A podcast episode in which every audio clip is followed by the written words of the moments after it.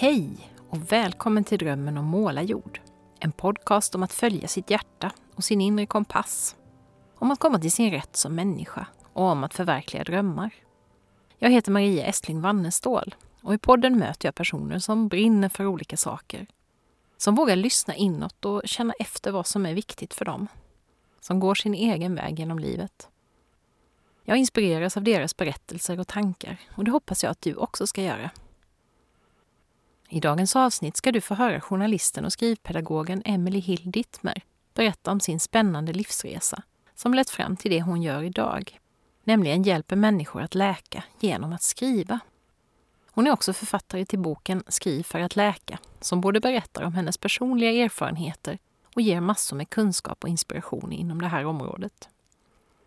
Emily och jag pratar bland annat om rädsla och mod, om journalistikens väg till mänskliga möten och berättelser. Om att hitta hem både geografiskt, jobbmässigt och mentalt. Om det expressiva skrivandets läkande kraft. Ett skrivande som bokstavligen kan rädda liv. Om att arbeta med både egna och andras läkande processer. Om vikten av varsamhet och självomsorg i det läkande skrivandet.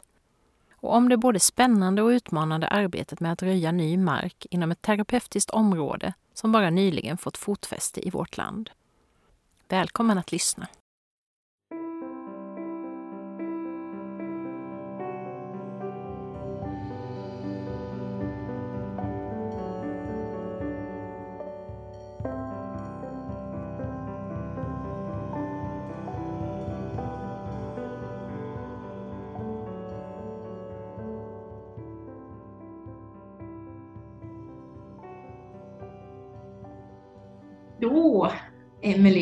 Välkommen till Drömmen om målarjord.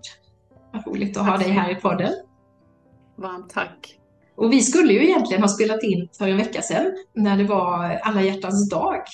Och jag tänkte faktiskt på det då, när vi hade det datumet så tänkte jag att det passade så väldigt bra, för jag upplever ju att du lever ditt liv väldigt mycket med, ja, med kärlek och med, med det som ditt budskap och det här att hjälpa människor att, att läka och sådär. Det, det var så lämpligt. Nu blev det inte den dagen, men, men vi har fortfarande, eh, tänker jag, kärleken med oss från, från förra veckan. Så. Ja, vad fint. Betyder det något för dig eller hur, hur ser du på alla hjärtans dag? Jag vet inte eh, vad jag ska säga riktigt. Eh, min man och jag är inte jätteromantiska just på sådana dagar. Eh, men jag tänker till alltid på dessa dagar på människor jag saknar, så som min mor till exempel, mm. som alltid ja, uppmärksammade just alla hjärtans dag. Ja, Hon brukade ringa var jag än befann mig i världen så, så fick jag samtal från henne. Så ja, när jag stannar upp och reflekterar ja. lite, det gör jag. Just det. Ja, men jag tycker det, det är lite sådär med alla de här, halloween och alla, det har blivit så himla kommersialiserat, men det finns ju något, något fint i grunden på något vis som, som är bra att ta med sig, tänker jag. Min man jobbar på en gymnasieskola här och där har de en kärleksvecka hela den där veckan och gör lite, ja men de har lite föreläsningar och det läses dikter och ja, lite av varje. Det är ganska fint. Mm. Du, Emelie, vem är du? Kan du ge någon liten kort eh, beskrivning av vem det är som sitter här på andra sidan mikrofonen? Vi ska fördjupa oss i, i alla möjliga aspekter så småningom, men har du någon sådär liten kort beskrivning? En kort beskrivning. Jag tränar mig på att hålla det kort, för det ja. är ju någonstans en ganska tråkig eh, historia. Men jag är skrivpedagog och författare. Jag kan titulera mig detta nu, vilket känns lite fortfarande för mig overkligt. Mm. Något jag drömt om sedan barnsben. Men äh, nu, nu har jag ju min bok Skriv för att läka som kom ut då för ja, ett år sedan eller ett och ett halvt snart till och med. Tiden går fort. Mm.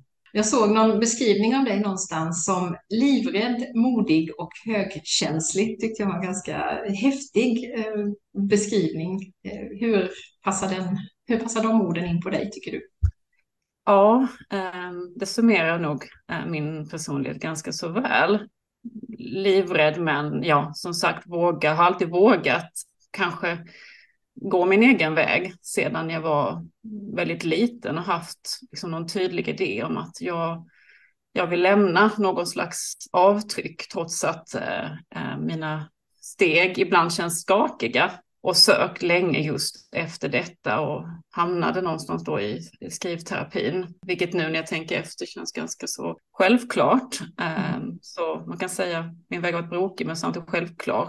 Så på något, något vis har det funnits en kompass där inne, fast den har tagit sig lite, den har pekat åt lite olika håll längs vägen och sen har du ändå Ja men precis, kommit. det har den verkligen gjort för mig. Verkligen. Jag tycker det är så intressant med de här begreppen också, rädd och modig och sådär, för man pratar ju ofta om mod och sen ibland tycker jag man använder det lite slarvigt sådär, som att alla som gör någonting som omgivningen uppfattar som läskigt, de betraktas som modiga. Men jag tänker att det är ju de människorna som verkligen är rädda för någonting och ändå gör det. Det är ju de som är modiga. Är man inte rädd så har, ja, då, då finns ju inte det där tröskeln att ta sig över. Liksom. Mm, det är sant.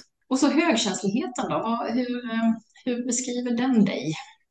Ja, alltså jag är väl en inkännande person och känner snabbt av stämningar mm. i rummet. Och det kan både vara som sagt en gåva och ganska besvärligt ibland. Att jag får lära mig ibland att stänga av den där knappen lite grann och mm. bara Alltså tillåta själv bara vara, inte analysera och tänka kanske för mycket. Det här är också en gåva i, alltså i klassrummet. Jag behöver kunna, ja naturligtvis, känna av vad kursdeltagare som kanske inte delar så mycket, befinner sig och så vidare. Där blir min högkänslighet min så kallade superpower, låter lite töntigt kanske, men ja. Eh, jag tänker i min vardag ibland kan det vara lite besvärligt det här just att känna av stämningar. Att det är väldigt för mig, vad ska jag säga, det är något jag, ja, som sagt, tränar på att eh, dämpa. Det kan bli lite komplicerat ibland. Just det, det gäller att hitta den där balansen i det då, mm. att kunna, kunna vara öppen men inte, inte vidöppen hela tiden. Precis, precis. Du, vi ska blicka bakåt och, och höra om din spännande livsresa här. Men eh, du nämnde ju att du jobbar med, med, som skrivpedagog och med läkande skrivande och det ska vi prata lite mycket om. Men du bor ju också på ett sånt där ställe som eh, alla människor drömmer om. Och det blev jag så nyfiken på också. Har det varit en dröm för dig det här med Skånelägga på Österlen? Det, jag tror att jättemånga jag känner skulle checka av på det som en, en dröm. Har det varit det för dig tidigare, eller hur? Nej, dröm vet jag inte. Däremot så brukar min mamma ofta säga till mig att jag tror du kommer hamna på Österlen en dag. Jag vet inte varför. Hon hade ofta stark magkänsla om vart jag skulle ta vägen och så vidare. Och visst, alltså Österlen för mig har alltid varit en drömsk, vacker, kreativ plats som jag kanske varit nyfiken på. Men jag längtade ju utomlands och har bott på ganska så många platser runt om i, i världen. Så det var inte självklart att det skulle bli just Österlen. Men jag tänker mycket på det idag, att oj, mamma fick rätt. eh, nu är jag ju här. Mm.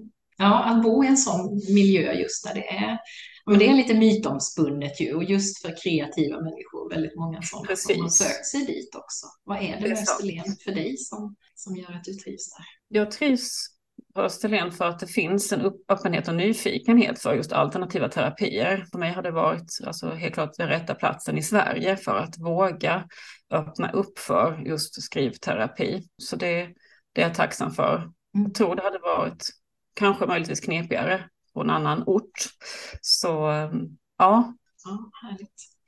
Du, det här med skrivandet, jag har förstått att det är något som har funnits hos, funnits hos dig hela livet, eller ja, så länge du har kunnat skriva med dagböcker och brev och sådär. Vad, vad betydde det här skrivandet för dig när du var liten? Kan du ta oss med lite grann till den här lilla Emelie som, som skrev?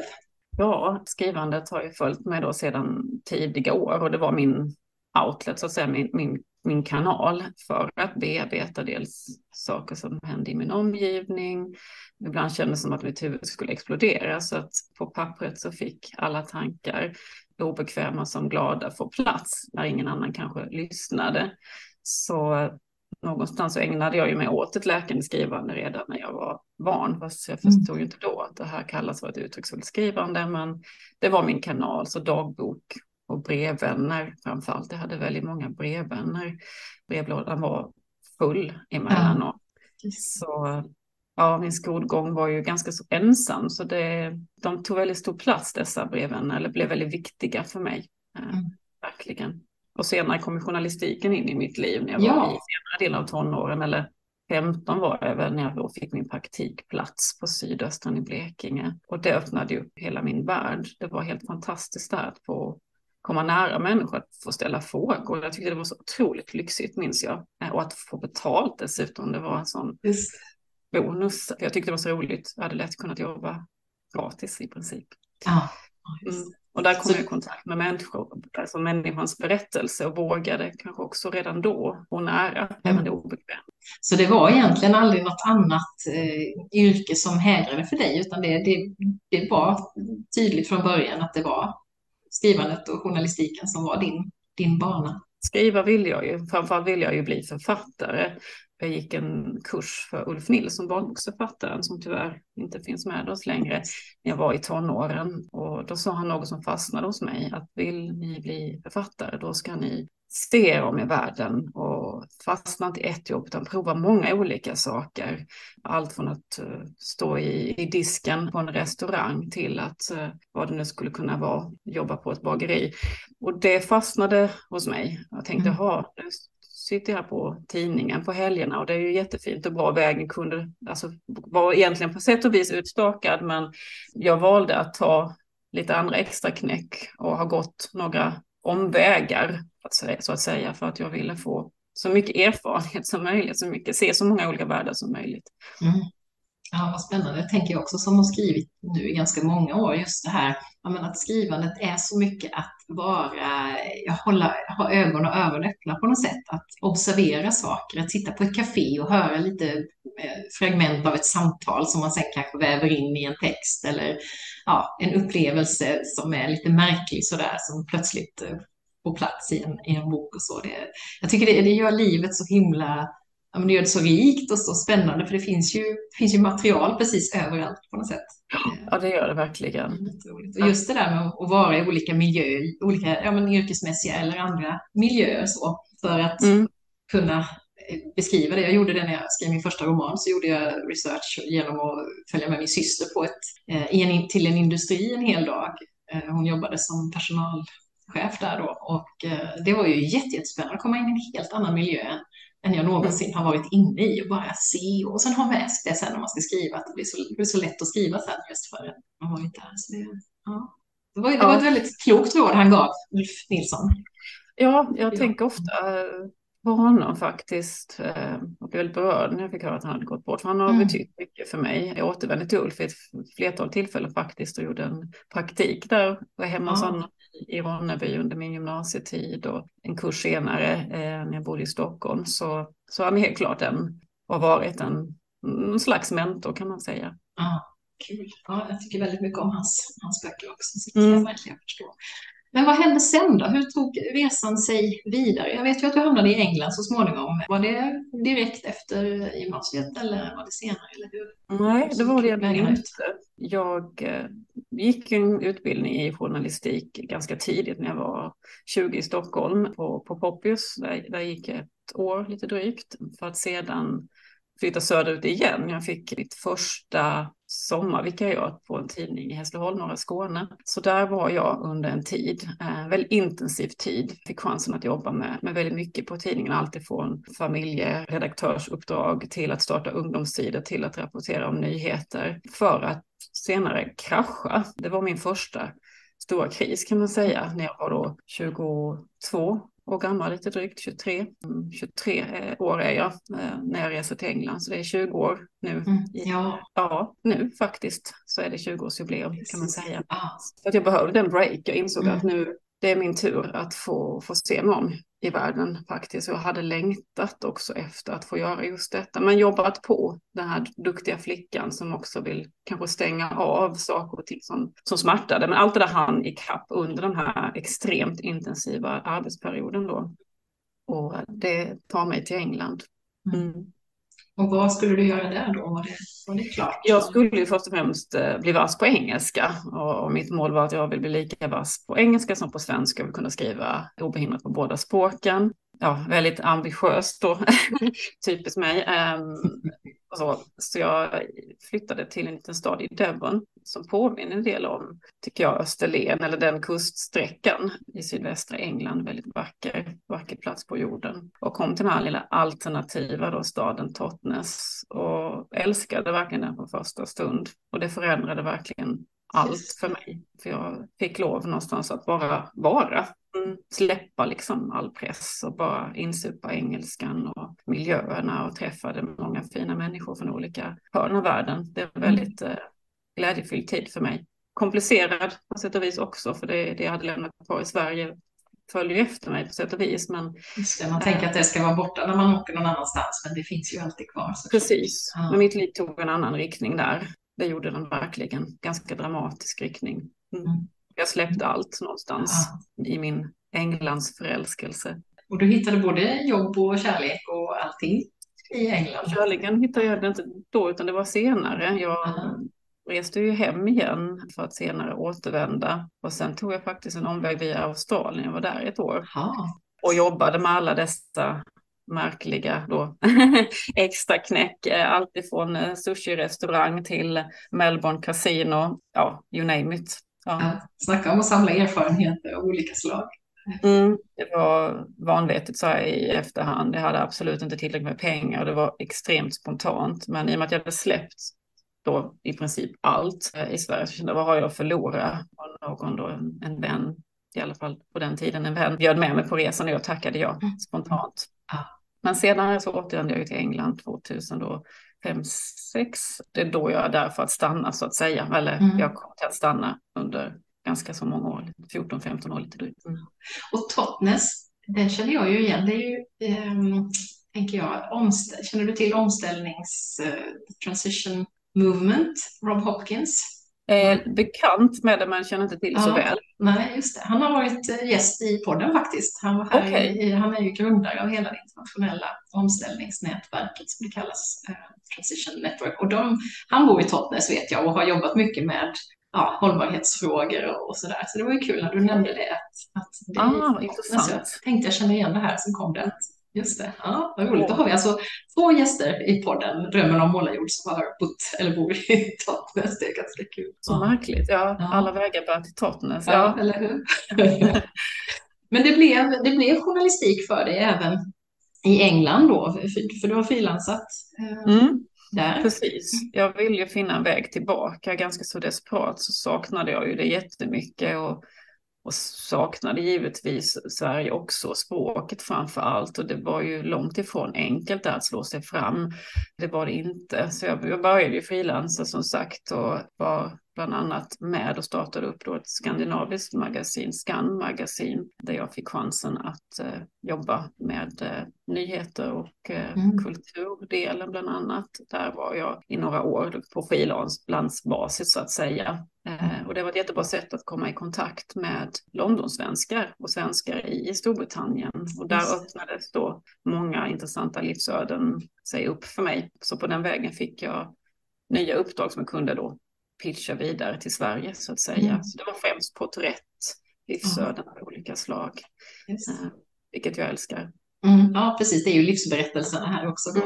Kommer igen. Precis. Sen det här mer läkande, terapeutiskt skrivandet då, från journalistiken till det. Hur eh, hittade du det? Vill du berätta mm. om den, den lilla resan som inte var så liten? Nej, precis. Alltså den fann jag ju långt senare då, skriv, den skrivterapeutiska världen, när vi hade lämnat London där vi bodde i drygt nio år, äh, där mina två pojkar är födda.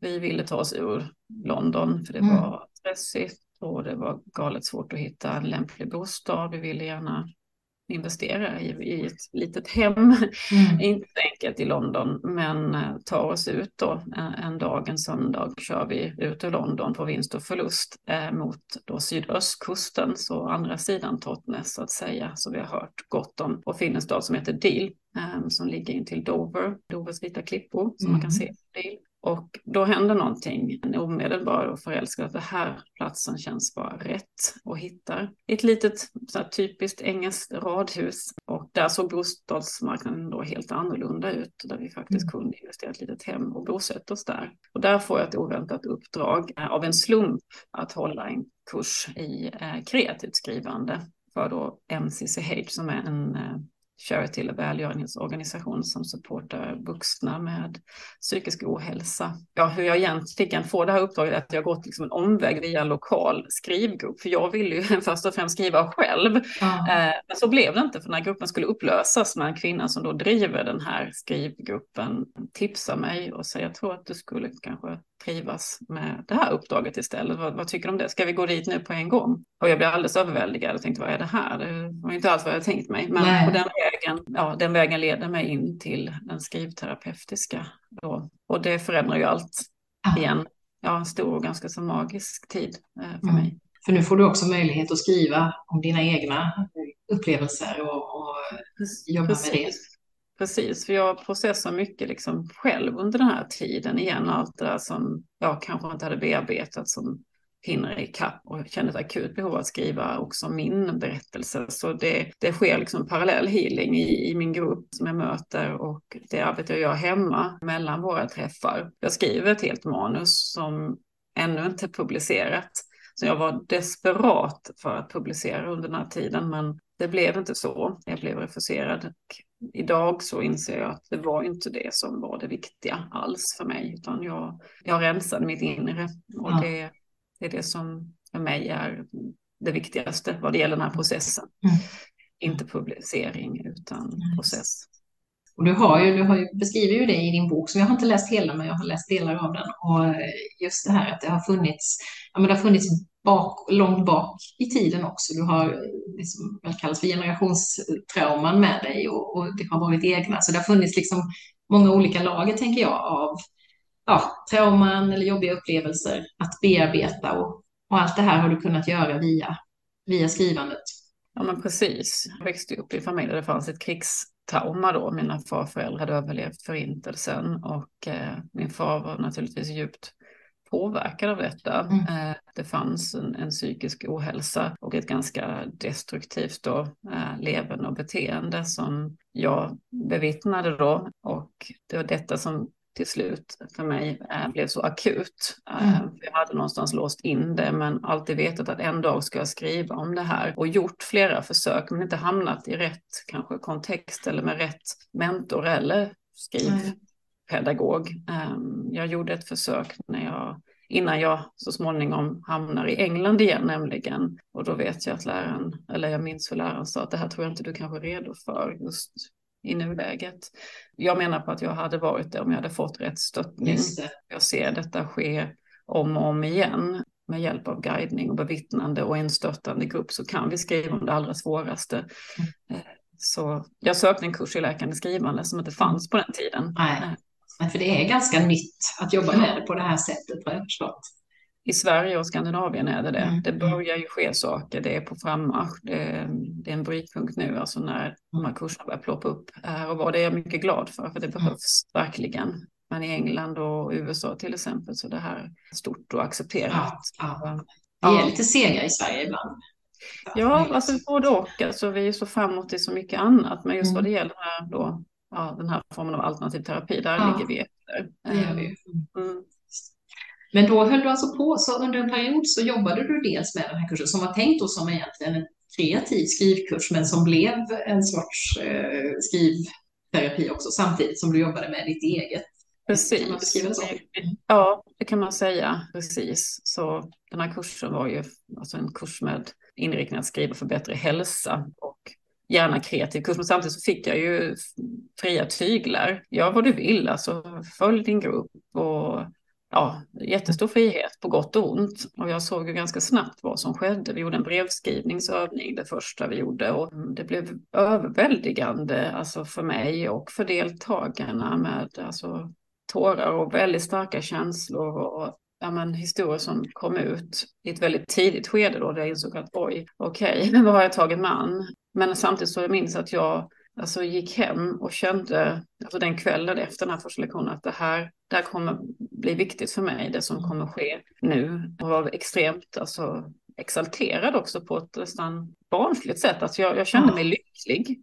Um, det låter jättekonstigt när jag säger det högt nu till dig i det här sammanhanget. Men tycker inte jag. jag hade kommit liksom närmare, alltså nära något som jag hade varit på spåren under många, många år. Att tänk att jag får utforska tillsammans med de här människorna. Det kändes helt fantastiskt. Ja, jag, tycker, jag känner igen det där, liksom när, när pusselbitarna på något vis faller på plats och man bara vet att här var det. Ja, ja. precis. Men du, du gick vidare sen då, för då bestämde du dig, var det efter detta du då bestämde dig för att du skulle utbilda dig och, och liksom jobba vidare? Var det för att du upplevde de, de här sakerna i den här kursen då, att det var så tydligt att det var den vägen ja, du skulle gå? Precis, eh, jag började göra research och upptäckte Pennebakers forskning inom explicit skrivande och liksom slukade allt och, och bara kände oj, har jag kunnat missa allt detta?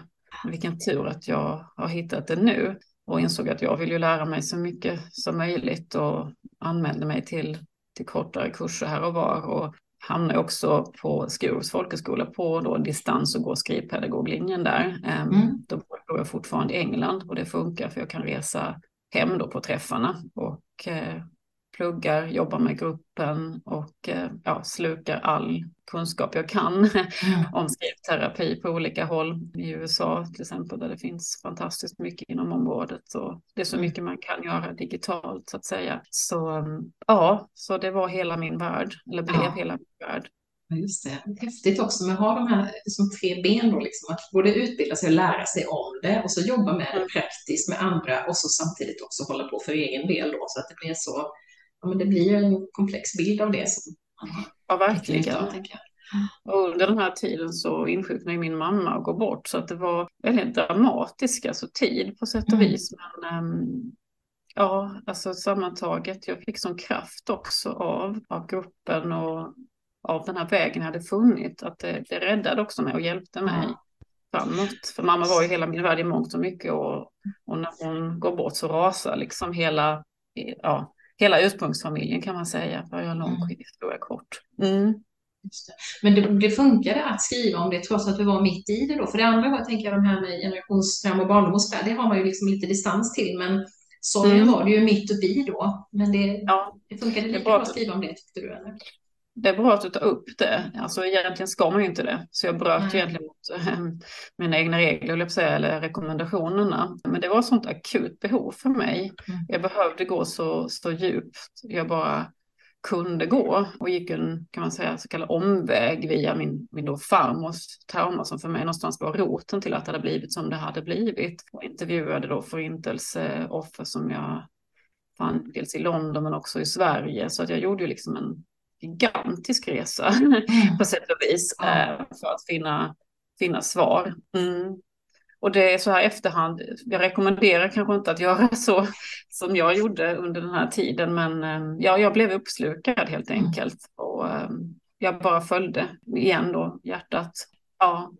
För det är intressant, för det är, jag har också upplevt det här med att sätta ord på ja, upplevelser och tankar och känslor har jag gjort jättemycket i mitt skrivande också, och upplevt precis samma sak. Men jag har ju också egentligen jobbat med parallellt mest med sånt som kanske varit i det förflutna, men också den senaste boken jag skrev om anhörigskap, den skriver jag ju som anhörig för att jag är anhörig idag också. Så det är ju, det är ju liksom både och. Det är både erfarenheter i det förflutna, men det är också upplevelser som, som pågår och som jag, som jag jobbar med liksom parallellt, eh, även om det kanske inte var så, inte så akut läge som en, en, en mamma som blir sjuk och dör så, så, så tänker jag att jag har också lite grann jobbat med båda, båda fast inte på det, eh, inte på det sättet som du har gjort mm. med, sånt, med så tydliga verktyg och så. Men jag har ju verkligen upplevt att få lov att sätta ord på saker och ting, hur otroligt läkande det kan vara. Jag såg någon, någon term också som beskrevs någonstans, att det var du själv som hade sagt det, men en mjuk vandring i sin livsberättelse. Det tyckte jag var så vackert och då tänker jag att den var väl inte så jättemjuk när du skrev om det här väldigt akuta och närliggande kanske då, men att det ofta är så man, man jobbar i andra sammanhang, att man liksom mm. närmar sig det lite varsamt. Ja, men precis. Den var ju inte mjuk, det var det ju inte. Men det, det var mitt sätt att, att hantera en akut mm. smärta. Så pennan hjälpte mig, men jag gjorde ju inte det så mjukt för mig själv alla gånger.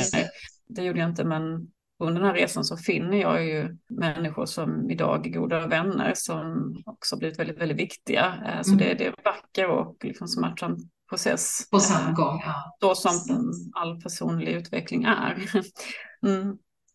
Och det, jag tycker det är intressant överhuvudtaget med ja, utveckling sådär just att, att ibland kan man, ganska ofta så är det ju sådär att man ser på saker man kan liksom titta bakåt och man kan se vad man har lärt sig. Man kan se att det här var bra på något sätt för mig, även om det var jättesmärtsamt i stunden och sådär. Men sen ibland kan man ju också få syn på saker mitt, mitt i det på något vis. Och det tycker jag är spännande. att Det tycker jag händer mer och mer ju äldre jag blir och ju mer jag jobbar med både min egen och andra människors utveckling, att jag också ökar den här förmågan att på något vis stå mitt i skiten och ändå kunna på något vis reflektera kring den. Det tror jag inte jag kunde mm. tidigare, utan då var det mer det som var bakåt kanske. Men att det är också en, någon typ av eh, verktyg eller förmåga man kan utveckla och som, som jag känner att jag har haft nytta av ibland, att liksom kunna ställa mig lite bredvid även när det är jättejobbigt. Ja, intressant. Jag, eh, jag tänker mycket just på den här tiden idag, faktiskt i och med att det är 20 år sedan jag mm flytta till England och, och just den här då tiden när jag jobbar så extremt intensivt med såren och återberättar också detta till kursdeltagare. Just, alltså det, det har blivit, eh, alltså den erfarenhet som jag vill vara utan för allt eh, smör i Småland så att säga. För det, det hjälper mig i mötet med mina deltagare. Ja, det är klart. Just det. Ja. Och så, du gick folkhögskolan, men du gick också, kom också med i någonting som heter Write Yourself, som är ett, är det ett nätverk eller vad, vad är det för någonting? Mm. Så Write Yourself är ju en påmanpassad skrivmetod. Mm. Um, jag har en certifiering inom uh, den här metoden som uh, baseras på amerikansk forskning som finns inom området, som är en tolvstegsprocess kan man säga då, eh, där man mjukt då närmar sig saker och ting genom att använda olika verktyg för att kunna som sagt gå eller våga gå nära det som bränner allra mest. Mm. Och det, det, är de verktygen du använder nu då, för nu ger du kurser och du har föreläsningar och jobbar individuellt också ibland med mm. klienter och så. Precis. Eh, jag jobbar inte lika mycket med traumaanpassat skrivande idag, även om kurslagen möter bär på ett sådant, utan kurserna idag är lite mer breddade eh, så att säga, öppnar upp för kanske flera som bara allmänt är nyfiken på att eh, se vad som finns när man lyfter mm. på lock och så vidare. Där använder vi då olika skrivverktyg, en så kallad skrivterapeutisk verktygslåda, verktygslåda mm. för att närma sig vårt inre. Och eh, det är ja, jättespännande arbete. Jag förstår det. Kan du ge något exempel på sådana verktyg? Vad är det man, vad gör man? Mm. Eh, ja, det finns ju många olika verktyg som sagt. Kan såklart arbeta med att skriva utifrån olika perspektiv, alltså berättarperspektiv, mm. olika genrer. Eh, vi kan skriva fiktivt där vi ändå utgår från oss själva, men för att närma oss ett mer komplext minne. Vi kan utforska symboler, metaforer till exempel. Vi kan skriva rent alltså flödesskrivande genom bild och se vart vi tar vägen utifrån bilden till exempel. Det finns många olika sätt att nå fram så att säga till, till kärnan. Det tyckte jag var så spännande när jag läste om det just att, ja men som det här med att bara, att det kan förändras så mycket när man byter berättarröst eller perspektiv då, att det, det kan mm. vara ett, ett, ett sätt att, att komma åt saker då för att man helt enkelt byter från det ena perspektivet till det andra. Det, det är ju ja. otroligt intressant att det händer något. Ja, det är jättespännande. Det. Ja. Att öppna olika dörrar. Liksom, ja. På så vis. Och det har du själv gjort också när du har jobbat med ditt eget, så har du också testat det här med att skriva mm. utifrån olika perspektiv. Det är det mest kraftfulla mm. av alla verktyg skulle jag vilja påstå. Mm. Um, kan verkligen vidga vyerna och vi, vi ser nya saker, vi kommer åt nya detaljer som vi kanske hade förträngt och det kan bli en väldigt stor aha-upplevelse på så vis. Mm. Det kan det verkligen, det ser jag om och om igen. Ja, jag läste också det här med det nu med, med det fiktiva skrivandet, för det är så jag har gjort när jag har skrivit mina romaner så valde jag ju att inte göra självbiografiska utan fiktiva, men hämtat jättemycket naturligtvis från mina egna erfarenheter. Och att det, att det kan ha samma då läkande funktion. Man kanske tänker att man distanserar sig för mycket från det, men så har inte jag upplevt det, utan jag har ju verkligen känt att jag har ja, satt ord på och gått igenom väldigt mycket av det jag själv har gått igenom. Genom att ge det en annan uh, mm. stil, liksom att plocka in det i en annan människas värld, men att hämta mycket från mitt eget. Så jag blev så glad när jag läste om det, för då tänkte jag att ja, min intuition stämde ju där då. Att Ja, vad fint. Han faktiskt ja. gjorde någonting med mig också. Så. Men du, vilka, vilka är det som söker sig till dig? Du nämnde det, att det är inte bara personer med trauman, även om det förstås finns sådana också, utan det, det kan vara en allmän nyfikenhet på att mm.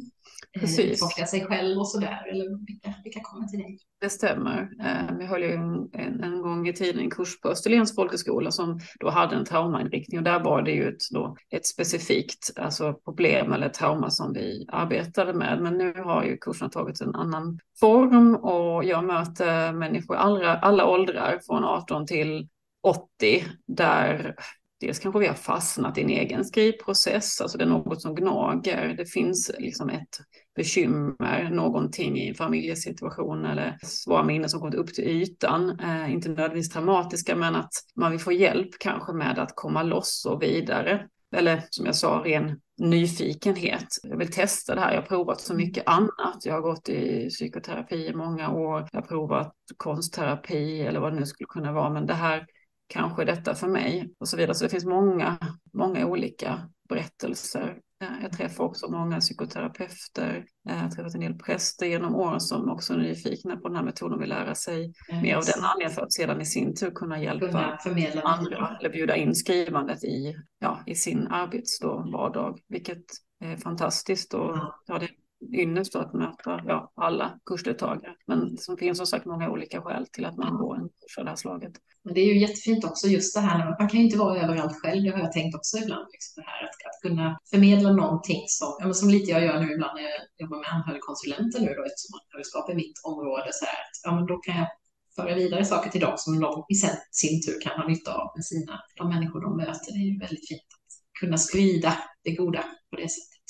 Precis, och jag jobbar ju också med anhöriga som mm. jag såklart vill gärna passa på att mm. berätta om också. Jag har samarbetat med socialförvaltningen här i Simrishamn, då, min lilla stad, under några års tid, eh, där det finns anhöriggrupper då som jag eh, har blivit inbjuden till. Eh, mm. Så det är också väldigt fint. Jag har ju också ett anhörigskap i botten, så mm, det är en målgrupp jag känner mycket för. Mm. Och som ofta inte tar hand om sig själva särskilt bra. Precis. Så det, är ju, det känner jag också kan man hjälpa dem på något sätt så är det så otroligt viktigt. Precis, verkligen. Möter du mycket motstånd? Jag tänker att alltså det kan finnas motstånd av olika slag. Dels kan det ju vara att, att ta itu med någonting som är smärtsamt och jobbigt. Och så tänker jag också det här också, man är ovan vid att skriva, att det kan vara lite läskigt det här att plötsligt så, ja, så ska jag sätta ord på saker som jag kanske bara har funderat själv eller så. Vad mm. möter du för typ av motstånd?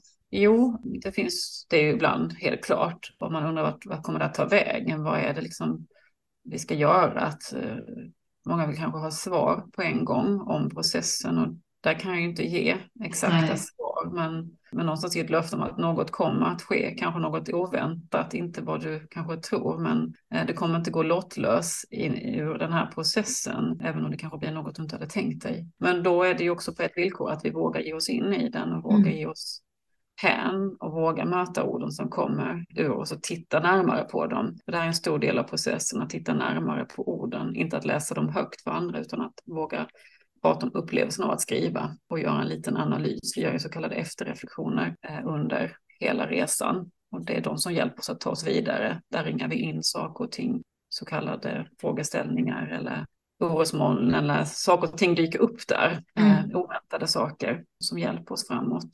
Mm. Och som också kan hjälpa andra i gruppen. Så att det mm. blir då väldigt givande samtal. Alltså samtalet och skrivandet av det här slaget hör verkligen ihop. Ja, just det. Det är jättespännande. Och så just det här fokuset på processen, att det inte är resultatet som är det viktiga. Det tycker jag också är väldigt Precis. Ja. Och motståndet skulle jag vilja säga släpper ganska så snabbt. Mm. Dels för att eh, kursen blir så lättad över att jag ska inte dela och, eh, och dra en lättnadssuck så att säga. Och att, eh, ja, alltså det är något magiskt som sker, alltså det är nyfikenhet som uppstår. Det är ju ganska så lekfulla övningar inledningsvis. Vi jobbar ju på med många olika ingångar, väver in många olika skrivsätt. Att skriva från kroppen till exempel är ett annat sätt att, att lyssna liksom, kanske på en specifik kroppsdel har att berätta. Så det, det blir tillåtande skrivande där vi faktiskt vågar ge oss hän för oss själva. Mm. Händer det att deltagare sen faktiskt går vidare och publicerar? Har det hänt under de här åren du har jobbat med läkande skrivande? Mm, ja och, och, nej, eller det är många som är i eh, process att skriva manus som jag har haft äran att eh, ja, vägleda så att säga, mm. som återvänder och vill ha liksom, lite då guidning, ny form av guidning för att kunna ro i land i ett sådant projekt. Det händer. Eh, mm. Så det är en del berättelser på gång, att det kan växa. En sån lust väcks, väcks fram eh, mm. oftast. Inte i alla grupper, men det är, i regel är det någon som tänker att oj, jag kom något på spåren här. Ja. Eh, oväntat. Mm. Så man kanske också upplever då att andra skulle kunna ha glädje av att få läsa. Det, Ja, men precis. Jag, ja, tänkte det med min, när jag skrev min första roman. Den skrev jag ju egentligen för att jag inte hittade böcker om mm. det som jag upplevde. Jag var, min mamma fick demens samtidigt som jag väntade mitt fjärde barn. Så det här att vara liksom i kläm mellan generationer och deras krav och mm. behov. jag hittade liksom inga sådana romaner. Och då blev det att jag, jag skrev om det för att jag tänkte att det skulle vara till nytta för andra. Sen blev det ju ett läkarbeskrivande för mig, insåg jag ju i mm. efterhand att det här hade jag otroligt mycket nytta av själv också. Men det har ju också varit någonting som, ja, men som många andra haft sagt att de har känt igen sig så mycket och fått liksom tröst av och sådär. Så, så det, ju, det, blir ju en extra, en extra knorr på det hela då, om man upplever det, att man kan mm. också kanske bidra till någon annans läkning genom det man själv läker Ja, det är den bästa drivkraften, helt klart. Mm. Och så mm. var det med Skriv för att läka också. Jag fann ingen sådan bok på svenska eh, och kände mig i stort behov av att ta boken själv och för kursdeltagarnas skull naturligtvis, för många frågade. Jag minns min första kurs på Österlens folkhögskola så hade jag ett litet bord där hade dukat upp då alla böcker som jag hade inhandlat från Amazon och beställt från England och USA om ämnet skrivterapi. Så frågade de, ja det här ser jättefint ut men jag vill ju ha en bok på svenska, ska du inte ja. se till att skriva den? Så jo, det är på gång. men det, det var en, en brokig eh, alltså väg också där att nå ja. fram att hitta rätt eh, förlag, att hitta någon som trodde och förstod att det här var värde. Det, ja, nu har det som sagt hänt mycket, men det, det handlar om bara på några års tid så att säga som skrivterapi börjar bli mer accepterat. Mm. Jag möttes av motvind när jag började pitcha då eh, Skriv för att läka. Ja. Olika förlag och så vidare. Ja, viss kanske misstänksamhet, vem är du som gör detta och är du psykoterapeut? Nej, det är jag inte, men eh, jag har den här bakgrunden så att det stångades med mycket där. Eh, ja. Men var fast beslutsam att boken skulle komma ut till varje pris. Mm. Och den processen, för det, var ju, det är en lite annan typ av process att skriva den typen av bok då som ska bli en guidebok eller handbok eller undervisningsmaterial. Hur, hur var den processen för dig sen när du väl skrev? Ja, det var svettigt faktiskt. Mm. Jag ville liksom berätta då allt, äh, verkligen. Jag ville bli tagen på allvar framför allt. Jag ville inte göra något, något lätt, allt för lättsamt, utan jag ville berätta att här finns det tung forskning. Skrivandet alltså, kan faktiskt förändra liv. Många säger ju det gör gott att skriva av sig, ja det gör det, men det kan också verkligen vara avgörande, eh, vilket mm. jag har sett. Så jag var eh, väldigt driven just av de berättelser jag hade mött och bevittnat och, och ville att omvärlden skulle ta del av mm. dessa. Dels också väva in min egen såklart berättelse och alla dessa övningar såklart som jag hade utforskat i grupp mm. under åren. Jag ville presentera dem med forskning, med fallstudierna och min egen berättelse. Så att det mm. var inte lätt eh, att liksom få ihop allt detta. Så det tog rätt många år. Och så här efterhand kunde jag gjort något annorlunda. Det är klart jag hade kunnat göra det. Jag gjorde det nog ganska komplicerat för mig. Just för att jag ville ja, säga så otroligt mycket. Mm. Ja, det är väl ofta ett problem det här att man har ett jättematerial som man ska försöka koka ner till något Mm. Både, både begripligt, läsarvänligt men samtidigt också, eh, ja, som du säger, det ska finnas en tyngd i det också. Mm. Ja, men precis. Men det lyckades du ju bra med, eller hur? Tack, och till slut ja. gjorde jag ju det. Ja, en jättefin bok. Tack. Det är roligt. Ja. Jag, önskar att jag, hade, jag önskar att jag hade känt till den innan jag gav ut min, för då skulle jag haft med den i tipslistan där. Men jag ska lägga till den på, på webben, har jag en sån där lista som går att fylla på med. Så får jag väl ta med den till nästa, nästa upplaga. För jag tänker att det är många anhöriga som skulle ha glädje av att bara få ta del av, av bokens innehåll också. Tack. Som kanske läser min bok. jag tänkte på det här med den där mjuka vandringen och varsamheten. Det upplever jag när jag läser boken också, hur viktigt det är. Vill du säga någonting om det? Det här med att liksom, det är ju, alltså trauma är ju, det är ju komplext och komplicerat och eh, att, att liksom möta det på ett sätt som, ja, som inte river upp så mycket så att man totalt fastnar i det här. Hur, eh, hur jobbar du med det, med, med mm. ja, varsamheten, omsorgen? Jo, vi ehm, går ju väldigt alltså, mjukt framåt där. Alltså, den första delen av kursen bygger just på självomsorg och övningar på det temat innan vi går lite djupare in i då teman såsom att skriva utifrån kroppen, att byta perspektiv, att experimentera med det fiktiva eh, så att säga för att sedan liksom knyta ihop hela säcken. Så det är en förberedelsefas som är av stor vikt, alltså ett ganska mm. så lekfullt mjukt skrivande där vi snubblar över saker och ting som vi kan använda senare. Det oväntade som jag pratade om för att lättare kanske då kunna skriva om det där, alltså mer komplicerade, som kanske känns mindre komplicerat när vi väl kommer dit, om du förstår mm. vad jag menar. Mm. För det händer ju väldigt mycket, alltså både fysiskt och såklart i knoppen när vi närmar oss alltså, oss själva på det här sättet. Så självomsorg är av, av stor Mm. stor vikt, alltså mycket större än vad vi kanske tror då inledningsvis. För jag överdriver nästan alltså det här med självomsorgen och blir lite tjatig. Många tackar mig senare för att jag har påmint och tjatat om det för att det är av värde, mm. för att vi ska våga och för att vi ska orka, för det tar rätt mycket kraft också att nå fram. Mm. Ja. Det är tålamodsprövande. Och den här efterreflektionen som du pratar om som så mm. viktig också, det blir också en del i det här. Va? För det blir ju också att då på något sätt lite grann distansera sig från det här otroligt brännande, mm. smärtsamma kanske. För då ja, ställer man sig lite vid sidan, vid sidan av. Mm, precis, det är ju av stor vikt. Så hela processen bygger på liksom en rad alltså frågeställningar egentligen av olika slag och sen ytterligare frågeställningar till sig själv, till texten, till det vi ringar in. Alltså hur kan mm. vi gå vidare nu med den nya information som har uppkommit? Hur kan jag jobba med det här kanske mer aktivt i, i min vardag eller ta med det vidare? Ja, och du nämnde ju också att, att det har hänt en del i Sverige nu det finns, för nu finns det ett nätverk även i Sverige, eller hur?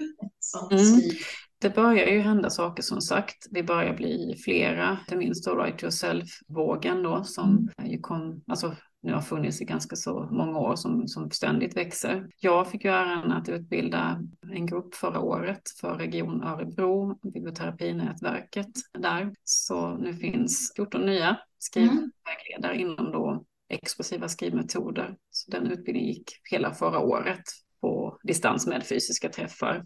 Så det, det känns fantastiskt såklart. Mm. Det var mitt första vägledaruppdrag där jag fick bjuda på då allt som jag har lärt mig. Det, det bästa av allt, alltså det bästa av, alltså såklart write yourself, men så mycket annat som jag har fått genom mina vägledare och mentorer i USA och England. Ja.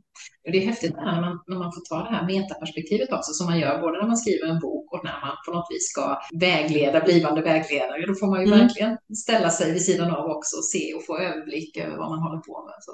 Precis, verkligen. Det var oerhört häftigt och det var också lite pirrigt för mig. Eh, mm. Liksom när jag klev in i det där klassrummet i, i Deal i England för första gången så var det väldigt pirrigt för mig att möta dessa då vägledare. Det var ett mm. stort ögonblick för mig, verkligen. Mm, men något jag gärna vill göra igen och jag fick verkligen mer smak. Det, det är helt fantastiskt eh, faktiskt. Eh, något jag är väldigt glad för. Jag är glad över att vi blir, vi blir fler. Vi behöver bli fler. Ja, det är jätte, jätte, jättespännande. Du, om du tänker på ditt liv som du lever det nu idag på Österlen och du jobbar med det här och, och har flyttat hem till Sverige och allt det här. Vad, vad, tycker du, vad är det bästa med det, det livet? För du är ju egen företagare som jag nu. Du skriver mm. och du håller kurser. Och du, mm. på. Vad tycker du? Det bästa är väl friheten, att just vara sin egen boss på gott och ont. Så att vakna upp och, och ja, kunna styra helt fritt att kunna kontakta och pitcha och ja, bygga sitt eget nätverk och växa i det. Det är för mig det mest fantastiska, mm. att man inte vet riktigt hur det kommer bli och vem som jag kommer möta just idag. Sen är det ju såklart alltså, väldigt många stillsamma dagar också. Jag jobbar ju verkligen hemifrån så att säga. Det är mycket mm. digitala kurser för mig just i nuläget och eh, försöker skriva också. Jag vill Mm. gärna ge ut en uppföljare till Skriv för att Ja, läka. Så det är min förhoppning inom det närmsta året. Eh, Har du, eh, har du fler skriv, skrivprojekt sådär i huvudet? Tänker du att du vill skriva mer alltså, romanform eller något sånt? Eller är det mer eh, bokskrivandet som, är, som känns Mm. viktigast? Ja, alltså den där, det där manuset som ligger i byrålådan. Som jag tänkte just på det. Precis, ibland tänker jag att det skulle ändå vara fint att få ge ut det, för det finns något av värde där. Och jag skulle vilja göra det inte minst för min, för min farmor och för min mamma, för den Mm. boken är ju deras också, den är vår. Eh, Den handlar om tre kvinnor helt enkelt och deras sökande. Så ja, jag har tänkt mycket på det. Det krävs en del bearbetning, det gör det helt klart. Men det en vacker dag. Mm. Det kan jag drömma om att skriva något helt annat. Alltså, Ja. Mm, för att bryta, för det kan ju bli ganska intensivt på gott och ont. Och att, ja, det skulle vara kul att göra något liksom helt oväntat. Alltså skriva en feelgood, vem vet? Ja, just det. Ja, härligt. Är du, vi pratade om det här med vikten av att ta hand om sig i sitt skrivande. Är du bra på att ta hand om dig själv i livet i allmänhet sådär? Eller, för du berättade ju att du har kraschat några gånger och så. När Mm, jag försöker vara bättre på det, det gör jag. Men eh, jag vet inte, jag tror nog att tyvärr att det är så att vi ibland är de sämsta på att ta hand om oss själva. Vi som ger till andra eh, och jobbar just inom det terapeutiska området. Så jag kan bli bättre. Jag försöker. Jag har mina små rutiner, men, eh, men det slår mig ofta är att jag bland inte alltid lever som jag lär. Eh, men jag, jag försöker eh, så gott jag kan att göra det. Mm. Och använder du skrivandet sådär i din vardag också? Skriver du dagbok eller någonting sånt? Eller är det så mycket en del av din profession så att du inte känner behov av det annars? Eller hur? Alltså det är knepigt ibland att hitta tiden. För jag har varit så otroligt uppslukad de senaste åren. Det har varit så otroligt intensivt. Det är egentligen först nu jag känner att nu finns det luckor och jag måste få till en bättre rutin. Mm. Eh, För jag har gått liksom all in så att säga. Och eh, ja, kanske då försummat mitt eget skrivande. Det blir lite liksom, ja, noteringar här och var. Alltså kortare sådana, sådana nedslag i vardagen. Men jag har tyvärr inte den här goda rutinen. Jag har tappat någonstans längs med vägen. Men Mm. jag försöker så ofta jag kan. Mm, det gör jag. Ja, det var jätteroligt att få prata med dig och få dyka in i det här otroligt spännande området tycker jag, som jag verkligen också, precis som du hoppas, ska få mer utrymme och fler som upptäcker. Och där gör ju du en jätteviktig insats både genom dina kurser och grupper och så och genom boken du har skrivit och som också kan, hjälpa många andra. Så tusen, tusen tack Emelie för att du ville komma och prata med mig. Och lycka till framöver. Tack Maria. Mm. Tack.